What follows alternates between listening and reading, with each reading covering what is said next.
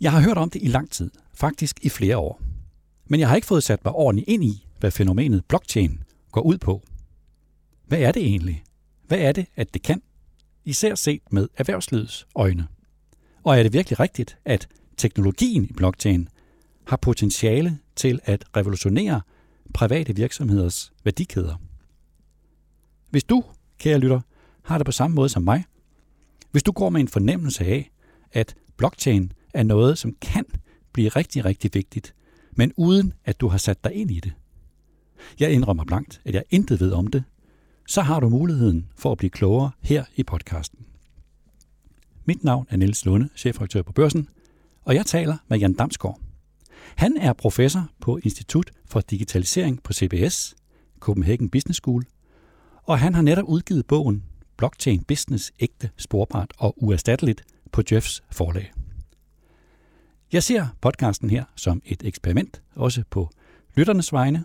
Er det muligt i løbet af en halv times tid at få en grundlæggende forståelse af fænomenet blockchain, stille og roligt, en halv time, og så har jeg fået en ABC, som jeg kan bygge videre på, og så kan jeg begynde at tale med om blockchain. Det er min ambition med denne udgave af podcasten Topchefernes Strategi. Som en disclaimer skal jeg lige gøre opmærksom på, at blockchain er en teknologi, som er relevant for alle tænkelige dele af samfundet, alle brancher og alle dele af vores private liv. Men man må jo begrænse sig, så mit fokus her er at forstå blockchain i erhvervslivets perspektiv, og især set med produktionsvirksomhedernes øjne. Jan Damsgaard, velkommen. Tak. Hvad er en blockchain? En blockchain er internettets bogholderi. Så hvor internettet de sidste 20 år har været præget af kaos og stor innovationskraft, så har man fået brug for at kunne holde lidt styr på, hvem ejer hvad, og hvad er egentlig en kopi, og hvad er en klon. Så for alle, som har en interesse i at kunne autentificere, at noget er ægte, at noget er sporbart, og også har en interesse for herkomsten, er blockchain noget, som man bør spidse øre over og give sin fulde opmærksomhed. Hvad er det sådan rent, altså sådan virkelig sådan, hvad skal man sige, så jeg forstår det, altså hvad er en blockchain sådan rent fysisk, kan jeg sagt? En blockchain er øh, noget software, som øh, er tilgængelig på internettet, så ligesom mange andre services, vi kender, så er blockchain endnu en service. Og det man kan, det er, at man kan lægge nogle transaktioner derop, så hvis man har en, en øh, hændelse i ens virksomhed, som man mener kan have interesse for andre. Det kunne være, at øh, ens vandforbrug, eller hvor man har købt sine råvarer, så kan man lægge dem op på øh, blockchain, så andre kan få gavn og glæde af dem. Og på den måde så kommer der en lang række en kæde, det er det, der ligger i blockchain, en kæde af hændelser og transaktioner, som ligger på nettet, som gør altså, at man kan optrævle og finde ud af, hvor kommer det her produkt fra. Og på den måde går man helt tilbage til øh, råmaterialerne, og altså på den måde kan autentificere, at noget er ægte. Det er øh, en ægte øh, stol fra den her producent, eller det er øh, noget, som øh, ikke har været involveret med børnearbejdere, eller det har et meget lavt øh, klimaaftryk. Er det det, man kalder et øh, distribueret netværk? Ja, det er et distribueret netværk, så rigtig mange af den måde, vi har gjort det hidtil på, har været sådan, at vi har øh, koncentreret øh, vores øh, øh, viden netop nogle få steder. Men øh, det er faktisk sådan med en blockchain, at der har man det distribueret sted for, og det viser sig at være mindst lige så robust som den måde, som øh, man har gjort på tidligere, hvor det er centraliseret. Er det en tankegang, vi i virkeligheden kender historisk? Det interessante ved den her blockchain, det er, at den er distribueret. Og vi går tilbage til Romeriet, så havde de allerede det her med, hvem skal vogte vogterne. Og øh, langt de fleste af vores løsninger i bank- og finansverdenen, men også generelt, er bygget, så vi har et centralt øh, lager eller et centralt beskyttet øh, bogholderi, og som er svært at bryde ind i. Men øh, hvis nu man gjorde det, som man gjorde historisk set i stedet for, så hvis man går tilbage til landsbyen, så var det jo sådan, at alle vidste, hvem der ejede Møllegården. Øh, og derfor var, det ikke nødt til at, var man ikke nødt til at skrive det ned nogen steder. Så alle landsbyboerne, de vidste, at det er familien Møller, der ejer Møllegården. Og hvis den skulle skifte ejer, så ville man gå på tinge, hvor de fleste familier ville være repræsenteret. Og der ville den nuværende ejer af, af Møllegården, familien Møller, tage en håndfuld jord og smide i skødet af den nye familie, der ville købe den, familien Pedersen. Øh, og så ville øh, den øh, skifte øh, ejer der. Og det er jo også derfor, at det hedder et skøde. Øh, så hvis man ikke tager andet med fra den her øh, podcast, så kan man lige øh, tage den med til middagsselskabet næste gang. Er det, hvordan er det beskyttet? Altså de oplysninger, man lægger op, er de beskyttet sådan kryptografisk. Ja, så den måde, øh, man lægger dem op på, det gør, at man har en form for nøgle, øh, som man øh, med den kan autentificere, hvem er det, der har lagt det her, det her ind. Øh, og man kan være sikker på, at det også kun er den person, der vil kunne give oplysninger videre til andre. Og vi kender det rigtig godt, fordi vi bruger det i vores NemID, som hedder MitID i dag.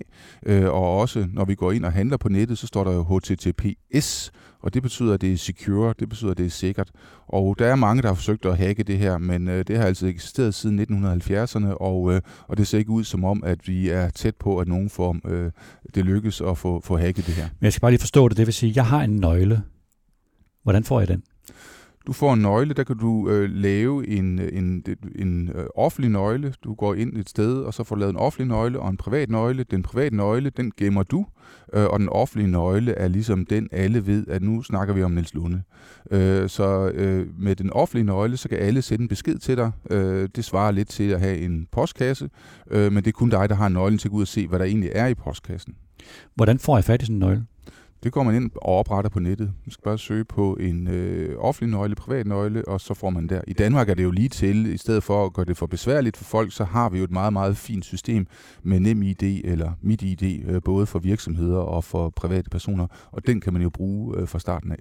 Hvordan finder jeg en blockchain? Blockchain den finder du ved at kontakte din softwareleverandør, øh, høre dem, der normalt leverer den her slags øh, ting til dig, og spørge dem, øh, hvor er det nu lige, at jeg får lagt det her ind? Og det kan også være, at man som branche, øh, og det er nok mere sandsynligt, øh, er dem, der tager initiativ til det, så inden for øh, øh, produktionsvirksomheder, inden for øh, elektronikvirksomheder osv., øh, kommer der mere og mere tale om det her blockchain, og på den måde får man så kendskab til, at der findes forskellige alternativer derude, og så må man se på, hvilken af de her øh, tilgængelige blockchain passer bedst i forhold til mine behov. Men vil det sige, at jeg som lille virksomhed, eller virksomhed i det hele taget, starter jeg ligesom min egen blockchain, eller leder jeg lidt derude for at finde blockchain, der passer til mig, så øh, deltager jeg i den? Ja, så, så lidt ligesom vi ikke starter vores eget internet, så er der rigtig mange, øh, eller så er der allerede eksisterende løsninger derude, og øh, forskellige blockchains har forskellige karakteristika, som gør, at de er mere eller mindre anvendelige inden for forskellige områder. Så det jeg vil gøre, det var, at jeg ville tage kontakt til min brancheorganisation, eller jeg ville tage kontakt til nogle af mine øh, kunder, for at høre, om de har gjort sig overvejelser omkring blockchain, og hvilken blockchain de vil anbefale, og med hvilken øh, grund de vil anbefale den. Hvis man så, øh, hvad, hedder sådan noget, er man så med i en blockchain, så så kan, ja, man... så kan man bidrage til blockchain, og det betyder, at ens data bliver lagt ind på den her blockchain. Øh, det er de data, man mener kan have værdi for andre øh, virksomheder, øh, eller øh, for, for, for slutbrugerne. Og, og så ligger de derinde. Og det, der er også interessant, det er, at med en blockchain, der kan man kun ligge til så øh, man kan ikke trække fra eller rette, øh, så man kan, øh, man kan lægge noget til senere hen, men man kan så ikke gå tilbage og rette noget, der er skrevet ind. Det ligger i øh, bloggen, i blockchainen til evig tid. Men vil det sige, at hvis jeg skriver noget dumt, så kan jeg ikke fortryde det? Så kan du ikke fortryde det, så vil det ligge der til evig tid, ja. Kan jeg blive smuttet af en blockchain? Nej, så øh, alle, ligesom internettet, kan man ikke forhindre, at folk øh, de ikke øh, øh, øh kan få adgang til en, en blockchain. Jeg tror, det kunne være interessant, i hvert fald for mig, Jan, med nogle eksempler øh, nogle eksempler på virksomheder. Jeg ved, du har, øh, du har arbejdet sammen med mange, men alligevel nogle eksempler på en virksomhed, som har brugt det her. Øh, jeg ved, du har arbejdet sammen med for eksempel Rockamore. Og hvad er det, Rockamore har lavet i forhold til blockchain? Ja, Rockamore det er et rigtig godt eksempel, og vi kalder den fra ko til sko. Øh, fordi det der er, det er, at når man tager en øh, Rockamore øh, støvle op, øh, så er der en QR-kode. Vi kender dem alle sammen fra de her lidt smarte stregkoder, der er firkantede i stedet for. Og når man tager sin mobiltelefon op med kameraet og scanner den, jamen så optrævles hele forsyningskæden. Hvor kommer den her øh, sko øh, fra? Og den går helt tilbage til konen, så alle danske køer går faktisk rundt med nogle gule mærker i ørerne, som gør, at vi ved ret meget om den her kos øh, opvækst, og hvor den har boet henne, og den øh, har levet i Danmark og øh, spist græs på den øh, jyske øh, marske osv. Øh, og og det, den, den information tager Scanhide, som hedder Spor i dag også, øh, og laser indgraverer i den hud, øh, som kommer fra den her ko, når den bliver slagtet. Og så kan man altså opdatere på blockchain, hvor meget, hvilke kemikalier der er brugt, hvor meget vand der er brugt osv., når man laver øh, huden om til øh, læder. Så det skal jeg lige forstå. Det vil sige, at som forbruger, så køber jeg en sko, og på den sko er der en QR-kode, som jeg så scanner med min iPhone eller min mm. telefon, mm. og så kan jeg se de ting, som du lige nævnte der. Nemlig. Og hvad har det at gøre med blockchain? Jamen det er jo, at det er jo en række forskellige aktører, som samarbejder omkring de her ting, og de kunne egentlig godt bygge deres egen system, men, øh, men det der er, det er, at Spor jo øh, bruger, øh, rigt, har med rigtig mange kunder, det er jo ikke kun Rockamore, så skulle de lave en løsning med Rockamore, og en løsning med Echo, og en løsning med øh, det tredje, et, et tredje øh, skomærke, det vil de jo ikke, så derfor er det bedre med en form for fælles løsning.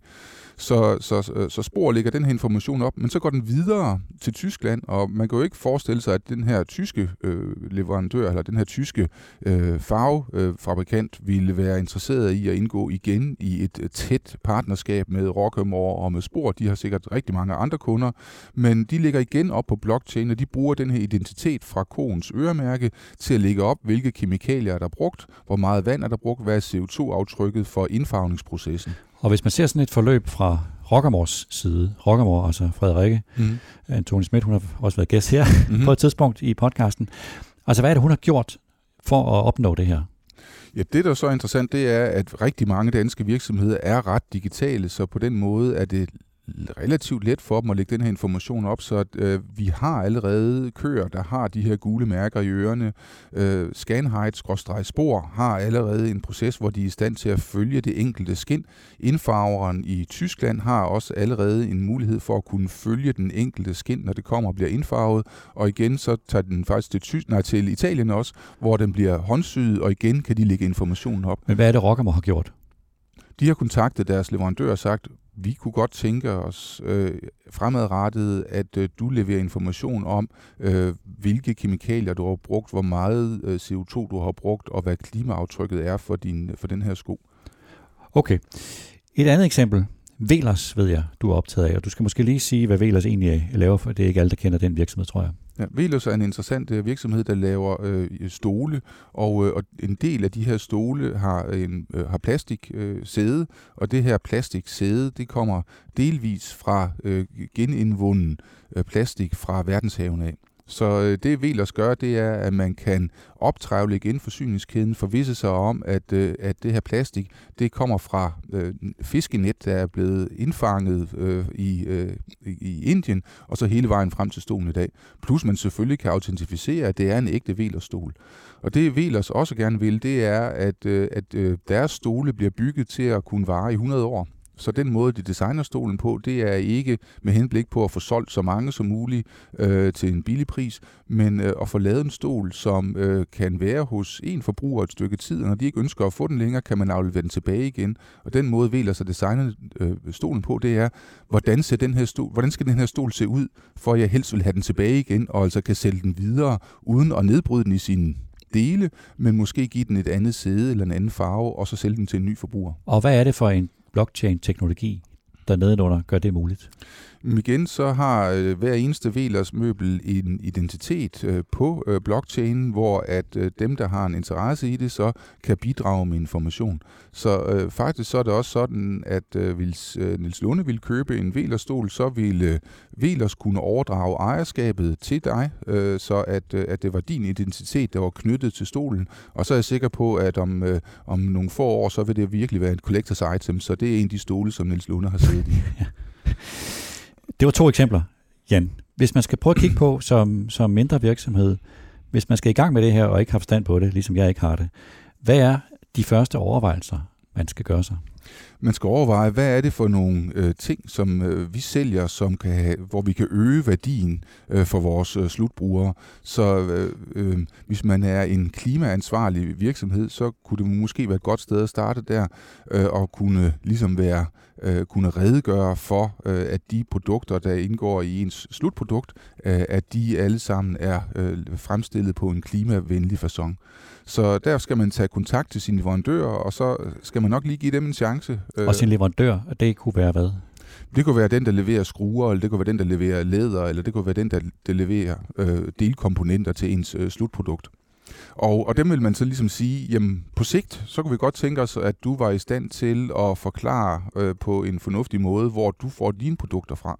Og det vil sige, at så skal den her leverandør så vende sig om til sine leverandører og sige, hov, øh, fremadrettet vil vi gerne have den her information. Og så kommer man altså i en situation, hvor at øh, når man sælger et produkt, øh, man scanner QR-koden eller en, en anden måde at identificere det enkelte produkt på, så kan man optravle den her forsyningskæde. Og det kan godt være, at man kommer til nogle blinde punkter et sted, men der tror jeg, at der vil komme et pres for, at de leverandører også med tiden vil være i stand til at kunne levere den her information ind til, øh, til blockchain. Så det vil sige, som virksomhed, når man skal i gang med at overveje, hvordan kan jeg bruge blockchain, så starter man egentlig med at forstå hele sin værdikæde. Måske mere, end man har gjort indtil nu i, i den travle hverdag. Forstå sin forretning dybere.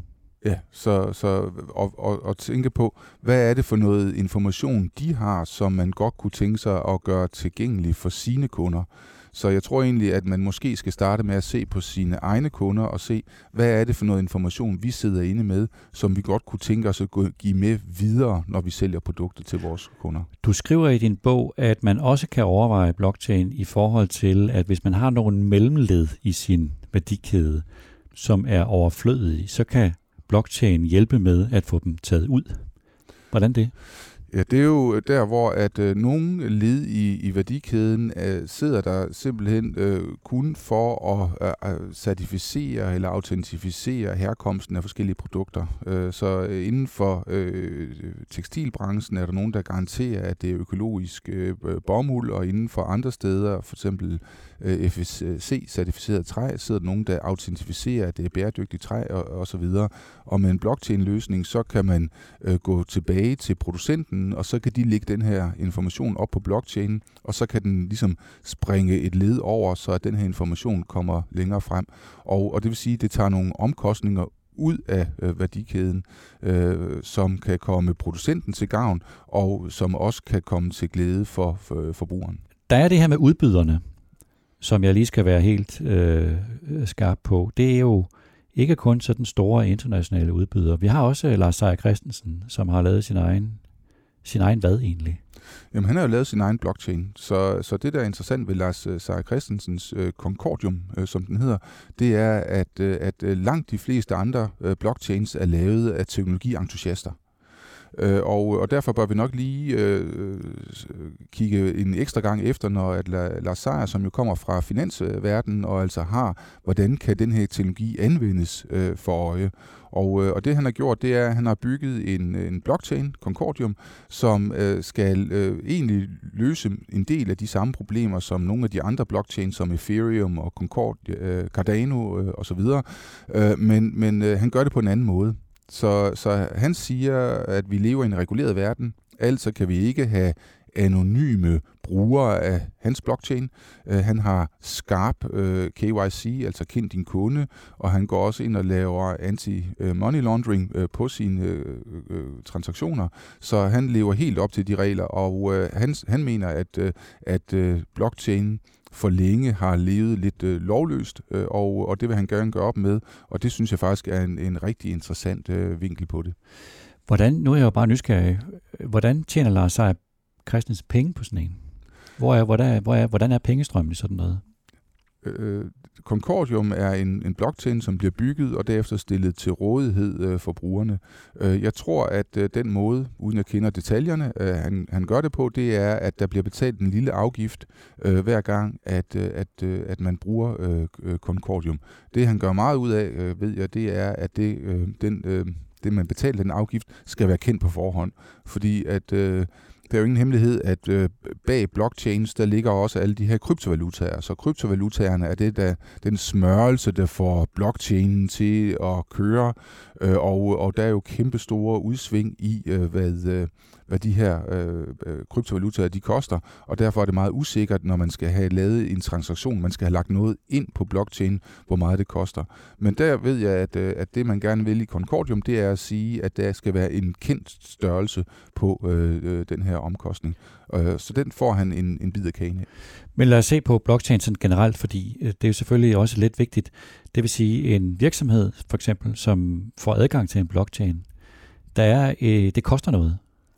Det koster noget, så man skal betale en lille smule for at lægge sine transaktioner ind på øh, blockchainen, og øh, for at den skal blive autentificeret og lagt derind. Og det er jo det, vi også kender fra øh, den her ballade, der er med bitcoin og dens astronomiske forbrug af el. Øh, det er faktisk øh, øh det arbejde, der skal udføres med at få bogført de her transaktioner. Og, øh, og det er øh, blandt andet fordi, at bitcoin var den første, øh, så, er det og, så har den mange af børnesygdommene, så den, øh, den her astronomiske forbrug af el er selvfølgelig ikke øh, holdbart i en bæredygtig øh, tid. Men bare lige inden vi kommer til det, så bare lige for at gøre det andet færdigt, det vil sige, at hvis jeg som virksomhed bruger en, en blockchain, så betaler jeg en afgift, og den kan svinge meget, eller hvad? Ja, fordi at kryptovalutaernes kurs svinger rigtig meget. Plus at man også ofte skal gøre det attraktivt for de, der vedligeholder bogholderiet, at, at, at samle din transaktion op og lægge den ind. Og det er klart, at jo mere du betaler, jo mere sandsynligt er det for, at din transaktion bliver lagt ind på blockchain så hurtigt som overhovedet muligt. Men det lyder som en ret øh, betydelig usikkerhedsfaktor for en virksomhed.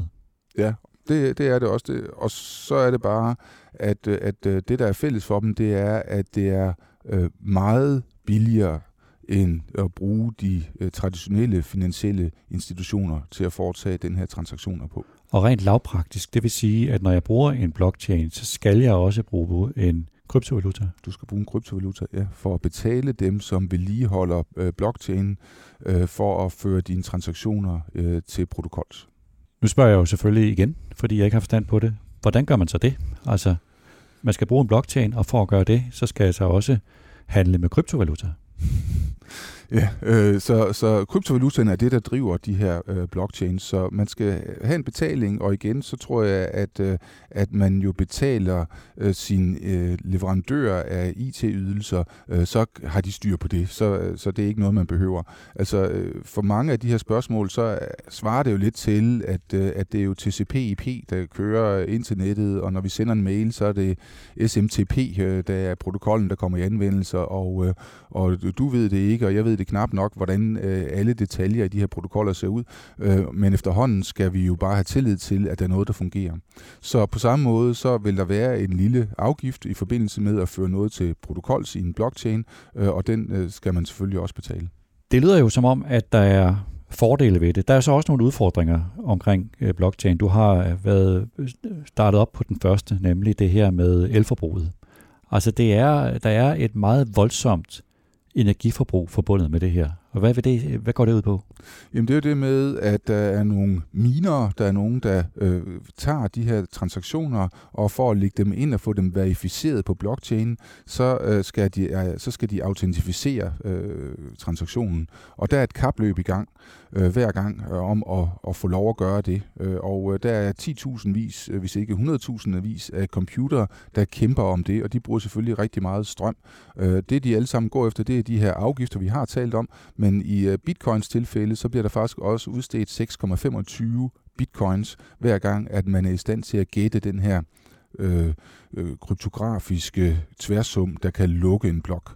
Og øh, lige nu med øh, den øjeblikkelige bitcoin-kurs, så er det øh, lidt over 400.000 øh, øh, kroner, og det er nok øh, værd lige at tage med. Og dem kommer der, de, de bliver udstedt hver 10. minut, øh, og, øh, og så får man den her afgift øh, oven i hatten også. Det lyder som en validering, der er, jeg havde nær sagt, jeg vil ikke sige oldnordisk, fordi det her, det er jo øh, meget digitalt og moderne, men stadig, det virker helt øh, aparte, at man skal bruge så meget energi på det her. Det er jo det øh, afgift, øh, man skal betale øh, for at have et distribueret netværk. Øh, så, så hvis vi skal have et øh, distribueret netværk, der er lige så sikkert som et centraliseret netværk, så er vi nødt til at have mange af de her miner, der konkurrerer om at lægge ting ind på øh, øh blockchainen. Og øh, øh, det arbejde, der skal udføres, det svarer egentlig til at finde en grøn ært i et stort hav af gule ærter. Så øh, øh, det der egentlig er, det er, at øh, hver af de her miner vil stikke hånden ned i øh, gryden med ærter, og så lige tage en ærte op, og så lige se, er den gul eller grøn, og hvis den er gul, så smider de den igen, øh, og det øh, kæmper de med. Og øh, den, der finder den grønne ært, øh, råber, jeg har fundet den grønne ært, og så lukker øh, blokken, og så bliver der udstedt øh, 6,25 øh, bitcoin til den heldige finder. Men det vil sige, Jan, at jo mere udbredt blockchain bliver, jo mere eksorbitant bliver det her elforbrug og klimabelastning. Ja, øh, på den korte bane. Så, og faktisk så er det også sådan, at jo flere, der er med til at kigge efter ærterne, øh, der vil man altså kun have, at der bliver fundet en ært hver tiende minut, og derfor så hælder man flere og flere ærter i, øh, jo flere øh, computere, der stiller sig til rådighed og graver efter ærterne. Så det er jo også et øh, paradoks. Men det er kun første generations øh, blockchains. Øh, så øh, andre blockchains gør det altså på en væsentlig mere klimavenlig måde. Og, øh, og der gør man det i stedet for, at man siger, øh, hvem er det egentlig, der har højst eller bedst interesse i, at en blockchain er vedligeholdt? Jamen det må være dem, som ejer kryptovaluta i den blockchain. Og det vil sige, at hvis man for eksempel har øh, 20 øh, bitcoins, så kan man få lov at stille op til at være med til at mine, øh, eller til at grave efter de her, øh, den her ært. Og, øh, og det man så gør, det er, at man simpelthen trækker lod mellem øh, dem, der kommer, og, og så er den heldige vinder af den, der får lov at grave efter ærten, og resten de kan gå hjem igen, og har altså ikke spildt noget arbejde. Så på den måde, så bliver øh, strømforbruget reduceret til at være øh, ikke afgørende for øh, den her teknologi. Og rigtig mange af teknologierne, eller rigtig mange af blockchainene, øh, blandt andet øh, Ethereum, øh, som er den næststørste, de er på vej over til at skifte fra den ene måde at gøre det på, den meget strømbelastende måde at gøre det på, og så over til den mere klimavenlige måde at gøre det på. Og det er jo øh, rigtig positivt, at, øh, at den udvikling sker. Og jeg håber også, at Bitcoin indser, at øh, den eneste vej frem for dem, det vil også være at skifte deres valideringsmekanisme til en mere klimavenlig måde at gøre det på. Der er en anden udfordring med det her blockchain. Det er, kan jeg overhovedet have tillid til det? Altså, jeg forstår, at det er skabt af en anonym person med et japansk navn. Og når man er mistænksom, som jeg er af natur, skal jeg virkelig lægge meget øh, følsomme øh, oplysninger for min virksomhed op et sted, hvor øh, den, der har fundet på det, vil være anonym. Ja, så, så øh, der er omgivet... Det harmonerer ikke med transparens og åbenhed. Nej, ikke andet øh, på den måde, at, at uh, Satoshi Nakamoto, som pseudonymet bag uh, Bitcoin og uh, blockchain uh, kalder sig, han har gjort, eller hun uh, for den sags skyld, uh, har gjort det til open source. Det vil sige, at alle kan gå ind og læse, øh, hvad det er for en kode, der ligger bag, og på den måde, hvis man har teknologiske kompetencer, kan man forvisse sig om, at der ikke foregår noget, som ikke er i orden. Det kunne vi jo godt tænke os forskellige andre også ville følge eksemplet på. Altså for eksempel Microsoft øh, Windows 11, tror jeg ikke, vi sådan lige får lov at kigge i kildekoden, eller hvis du tager øh, Apples iOS, eller øh, før omtalte, nej, hvis vi taler om kinesiske, for eksempel øh, Huawei, så er der jo ikke nogen der, der får lov at kigge ind i og i deres øh, 5G-master øh, og se, hvad der, er, der i virkeligheden foregår derinde. Men det kan man altså med rigtig mange af de her øh, blockchains, der kan man få lov at kigge med, så hvis man har kompetencen, så kan man se, hvad er det, der foregår derinde. Det fører mig jo hen til det næste øh, spørgsmål omkring det med udfordringerne. Øh, et kæmpe problem i den her tid for virksomheder, det er jo cyberkriminalitet. Hvor sårbart er blockchain overfor at blive hacket? Så Øh, risikoen er der naturligvis, øh, men den er mindre end for centraliserede systemer. Så, så det med, at det er distribueret, så gør det, at man faktisk skal forsøge at bryde ind i øh, flere tusind computere på samme tid øh, og, øh, og ændre noget derinde, for at man kan hacke effektivt et blockchain-system. Og det er aldrig sket. Øh, det betyder ikke nødvendigvis, at det aldrig kommer til at ske, men sandsynligheden for det er meget mindre. Plus at man har den her med, at man kan jo, hvis man har så mange kræfter, så skulle man måske hellere bruge pengene på at mine og få udstedt nogle bitcoins, øh, i stedet for at bruge energien på at hacke de her ting.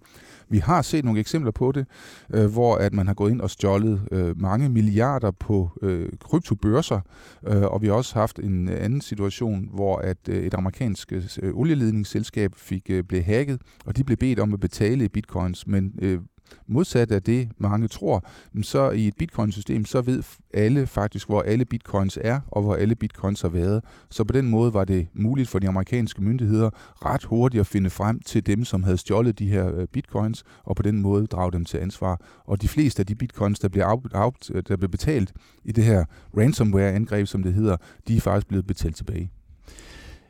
Endnu en udfordring efter min opfattelse i hvert fald, det er jo det her med blockchain, at al ny teknologi, der handler det jo meget om timing. Man kan komme for sent, men man kan også komme for tidligt. Og for mig lyder det her som noget, som har ja, et stort potentiale, men også noget, som mange endnu ikke rigtig bruger. Og hvis en virksomhed for alvor vil kaste sig ind i det her, så risikerer man at komme for tidligt, fordi alle de andre ikke er der. Det er rigtigt. Den fare øh, er der naturligvis, og jeg skal ikke øh, advokere for, at man kaster alle sine talenter ind i blockchain i morgen. Men jeg tror, at jeg vil anbefale, at man gør sig nogle tanker omkring de her ting. Jeg tror også, at det er sådan, at øh, virksomheder på i løbet af nogle ganske øh, få år vil være i en situation, at hvis de ikke kan redegøre for herkomsten af deres produkter, så er der ingen butikker eller ingen kunder, der vil købe dem.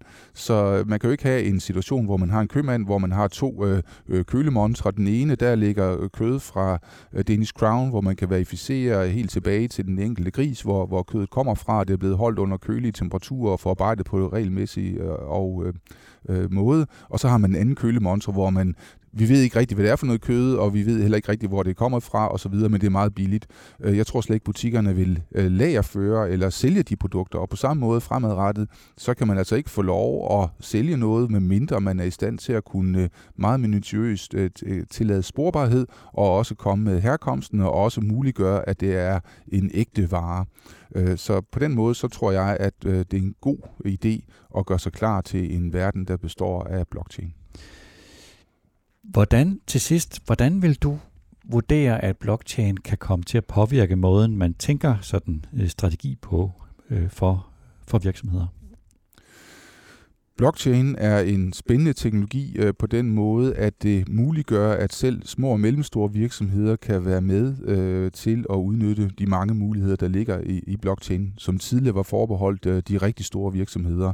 Så øh, mange af de ting, som man kan bygge med en blockchain, jamen den kan man altså også godt bygge, hvis man er Walmart, eller man er Amazon, eller man er en meget, meget stor øh, virksomhed. Mærsk har jo lavet TradeLens også, og det, det kan de, de har faktisk lavet det på blockchain, men de vil også kunne løse de her øh, slags udfordringer.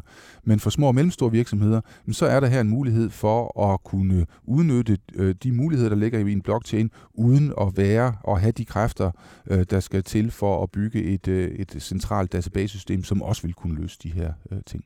Jan Damsgaard, tak fordi du er med. Selv tak. Det var denne udgave af podcasten Topchefernes Strategi. Jeg må indrømme, at jeg kæmper med at forstå ny teknologi, med at overskue det, og med at orientere mig mellem kunstig intelligens, big data, internet of things osv. Men det er jo også spændende, utrolig spændende faktisk. Og nu er jeg i hvert fald blevet klogere på den del af det, der har med blockchain at gøre. Jeg håber, at du, kære lytter, også er blevet klogere. Mit navn er Niels Lunde.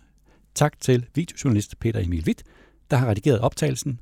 Tak til dig, der lyttede med.